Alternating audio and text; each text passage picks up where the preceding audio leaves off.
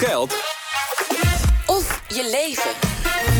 Ja, als u, eh, ik zeg erbij, als u niet in de auto zit... dan mag u even uw ogen dicht doen en het, eh, u mag zich dan het volgende voorstellen. Een cruiseschip met 40 restaurants en uitgaansgelegenheden... aan boord het grootste waterpark op zee... met zeven zwembaden, zes waterglijbanen, negen whirlpools... een waterval van 17 meter hoog. Daarnaast nog een conferentiecentrum, openluchtbioscoop... casino, muziekhal, basketbalveld en theater. En past er ook nog op een heus Central Park... met 21.000 echte planten. Ik heb het over het grootste cruiseschip uh, aller tijden. Dus de Icon of the Seas. Het is maar liefst 365 meter lang, heeft 20 dekken... en zaterdag maakt het schip zijn eerste vaart... met toeristen vanuit de haven in Miami. Ik ga over dit fascinerende schip praten... met toerisme-expert Goof Lukke van de Breda University... en met Nico van Dijk, oprichter van decruisegids.nl. Welkom allebei, fijn dat jullie er zijn. Hallo. Um, Hallo. Meneer van Dijk, als het niet een beetje groter kunnen maken... Uh, hij is al een flink stuk groter dan uh, de vorige generatie schepen. En ik denk dat als je over uh, vijf jaar verder kijkt... dat er dan nog weer grotere schepen zijn. Oké, okay, het is niet dat dit de maximum was van een drijvend iets? Nee, nee. nee. Oké. Ja, heeft u er al een beetje zin in? Het lijkt me heel leuk om er als journalist op rond te kijken. Maar of ik er privé op zou willen varen tijdens een vakantie... dat weet ik nog niet. Waarom niet? Het is wel heel veel wat daar aangeboden wordt. En het is ook wel heel veel herrie, zeg maar. het is een soort, soort drijvend pretpark waar je in zit. Ja, eigenlijk. inderdaad. Oké, okay, wat kost een ticket eigenlijk voor, die, uh, voor, voor de tocht? Dat hangt helemaal af van welke hut of uh, suite uh, je hebt. ze zijn er vanaf ongeveer 1100 euro. Uh, maar dan moet je wel even nog geduld hebben, want dat is de prijs uh, vanaf januari 2026. Maar die kun je nu al boeken. En is dat de echte prijs, om daar maar even over te spreken? Uh, dat is de prijs die de commerciële cruiserederij ja. rekent. En hoe lang mag je dan meevaren op de sloep? Acht dagen naar de Caribisch gebied. Oké, oké, oké. Maar er komt nog wel een vliegticket bij. Ja, oh ja, je moet er nog naartoe vliegen eerst. Ja. Hè, wat een gedoe allemaal zo'n cruise.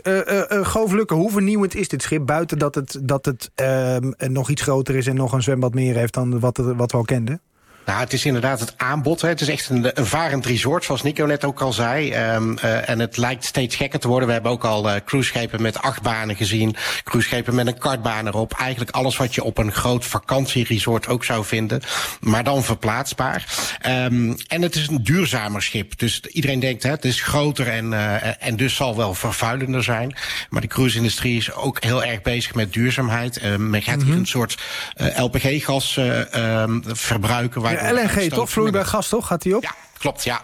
En um, in, in die zin is het ook, uh, ook vernieuwend. Maar het hele aankleden van uh, ook dit, uh, dit schip... waar je niet meer praat over dekken... zoals je dat misschien van de Titanic-tijd nog kent... Ja. maar echte neighborhoods of wijken, zoals ze dat noemen. Dus je hebt eigenlijk voor verschillende doelgroepen... verschillende plekken met passend horeca-aanbod. Dus restaurants, entertainment. en dat is een beetje wat de kracht van de cruise denk ik ook is. Is dat je, je komt één keer binnen... je pakt je uh, spullen uit. En uh, vanaf dat moment uh, ga je eigenlijk op, op het resort ja, zijn. Ja. maar dat resort brengt je ook nog weer naar andere bestemmingen. Ja. en in de Cariben zijn dat mooie eilanden. en ligt de nadruk dus misschien wel ook wel op dat tropische. maar we zien ook cruises waar juist het, de, de, nadruk ligt op het beleven van steden die aan de Middellandse Zee liggen. Nederlanders gaan al, het meeste naar het noorden. Dus naar onze Scandinavische fjorden. Om, uh, om daar met een schip binnen te varen. En, en dan heb je weer een hele andere beleving. Ja. Dus we zien groter meer. We zien ook kleiner, exclusiever. Ja. Maar bepaalde doelgroep. Eventjes, uh, Nico van Dijk. Is dit ding nou echt schoon? Met, met dat hij op LNG gaat? Uh, LNG is momenteel de, de schoonst verkrijgbare scheepsbrandstof die er bestaat. Want het is een, een, hele vervuilende industrie, toch? Die, cruise, die cruiseschepen? Het is een stuk minder vervuilend dan bijvoorbeeld tien jaar geleden. Ja. Door de ontwikkeling van nieuwe technologie, schonere brandstoffen, maar ook door uh, strengere regelgeving is uh, de scheepvaart en ook de cruise-sector ja. een stuk schoner geworden. Dus het is een goede stap in de, een stap in de goede richting. Het is zeker een stap in de goede okay, richting. Oké, ja. oké. Okay, okay. Moet je je nog iets wat schuldig voelen als je erop gaat, of niet, wat dat betreft? Ik zou vooral genieten. het is vakantie tenslotte. Ja, precies. Ja, genieten, dat doe je misschien als je, er, als je op zo'n ding zit. Maar dit is cruise, een cruise maken, dat, dat vraagt ook om, om vooroordelen. Arjen Lubach heeft dat heel keurig samengevat. Van dat soort gigantische boten met duizenden bejaarden aan boord... die alleen maar zitten te vreten en te gokken... en als ze ergens aanmeren als een sprinkhanenplaag over de stad trekken... om daarna snel terug op de boot te rollen voor onbeperkt sparerips... terwijl een door het leven teleurgestelde zangeres Celine Dion nummers in hun oren blaft. Komt een beetje in de richting, een beetje volledig dit? Of heeft u nog wat toe te voegen, uh, Govlukken? Nee, ik denk, ik denk dat dat het standaard beeld is. Hè. De cruise, uh, dat is voor mensen met grijs haar en, en voor de oudere Amerikaan. daar, zo is het ooit begonnen. Maar als we nu kijken, dan is er bijvoorbeeld Virgin... die ook luchtvaartmaatschappij heeft, platenwinkels had... maar ook een cruise-lijn heeft voor de, de jonge stellen... waarin het entertainment natuurlijk weer heel erg aangepakt aangepast is. We zien ook exclusievere vaarten. Uh, je kan naar de, naar de Zuidpool bijvoorbeeld. Uh, uh, dat is echt voor, voor de happy few. Dan krijg je met een onderzeeertje, wat dan weer onderdeel is van, de, van het cruiseschip, ga je ook onder het ijs kijken. Dus we zien dat het eigenlijk alles qua breedte, dat we ook in de, de toerismemarkt, in hotels en accommodaties zien, zien we ook varend tegenwoordig. Ja, maar wacht even, u zegt, u zegt u dat je dan met een onderzeeërtje onder het ijs gaat kijken nog daar? Ja, en, uh, en ook op andere plekken, hè, bij, bij de koraalriffen en dergelijke. Dit, uh, mm. ja, dit zijn echt, en dan moet je echt praat, praat je echt over bedragen van 25.000 euro of meer om, uh, om dit soort dingen te doen. Dat is echt voor de happy few. Mm. dat is eigenlijk het topsegment, wat, wat de, de luxe vijf sterren hotels in, in de wereld ook aanbieden. maar men is telkens op zoek, en dat is denk ik ook een beetje het kenmerk van, van toerisme. Het is een heel belangrijk onderdeel geworden van onze lifestyle. We laten zien waar we zijn we willen uh, graag reizen. Uh, corona heeft ons echt eventjes uh, wakker geschud van... hey, dat was echt toch wel een, een heel mooi gegeven dat we dat konden doen. En we zien ook mensen, ja, recentelijk nog... die zouden twee jaar gaan cruisen rond de wereld. Mensen die een huis verkochten om eigenlijk op dat schip te gaan wonen. En helaas ging die cruise niet door. Maar zover gaan mensen om unieke belevingen te krijgen. Oké, um, dat wat Lubach zegt, meneer Van Over die, dat zelfs springkanen dan die steden inspringen. Dat is natuurlijk, dat is natuurlijk een beetje gekscherend. Maar dat is natuurlijk, als we in Venetië kijken, eh, dat gebeurt natuurlijk wel. Ik bedoel, hoeveel, hoeveel mensen zitten hier aan boord als dat ding vol zit, die Icon of the Seas? Als die vol zit, ruim 7000 mensen. 7000. Dus stel dat hij aanlegt in Venetië en die bam, 7000 mensen hier stad in op hetzelfde moment. Nou, in Venetië mogen geen cruiseschepen meer uh, aanleggen, juist om dat overtoerisme uh, te voorkomen.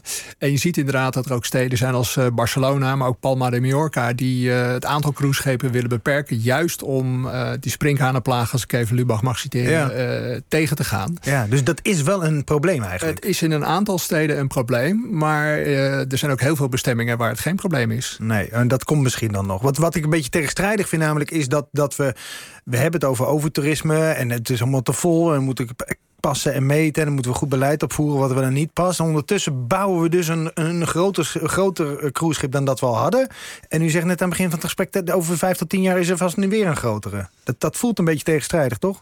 Ja, maar je ziet ook dat uh, cruiseschepen zelf de bestemming uh, gaan worden. En waar die dan naartoe, maakt, uh, waar die naartoe vaart, dat maakt er niet zoveel meer uit. Daarom is er op zo'n schip ook heel veel entertainment. Oh ja, dat geloof ik. De Holland-Amerika heeft daar geloof ik een mooie uitspraak voor, toch? Je, je, je, je pakt je koffer één keer uit of zoiets. Wat ja, één keer je koffer uitpakken en elke dag op een andere bestemming uh, wakker worden. Ja. Um, Waarom willen wij dat? Uh, omdat wij dat kennelijk leuk vinden. Reizen zit in ons DNA. En uh, je zag het inderdaad, wat, wat Goof Lukke net zei, na corona. Toen, toen zijn we weer volop gaan reizen. Want we hebben opgesloten gezeten en we hadden echt zoiets van... jongens, uh, we willen eruit, we willen de wereld gaan ontdekken.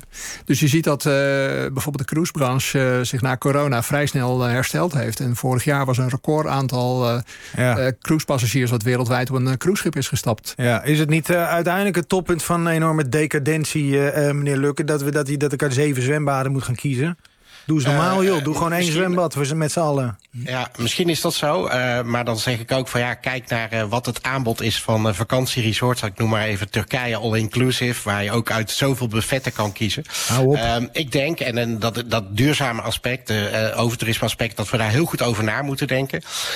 maar we moeten ook nadenken over het feit dat we de wereldbevolking steeds meer groeit en een heel deel nog niet aan het reizen is, omdat ze dat economisch nog niet kunnen. Maar als die gaan reizen, dan zullen we veel capaciteit ook nodig hebben.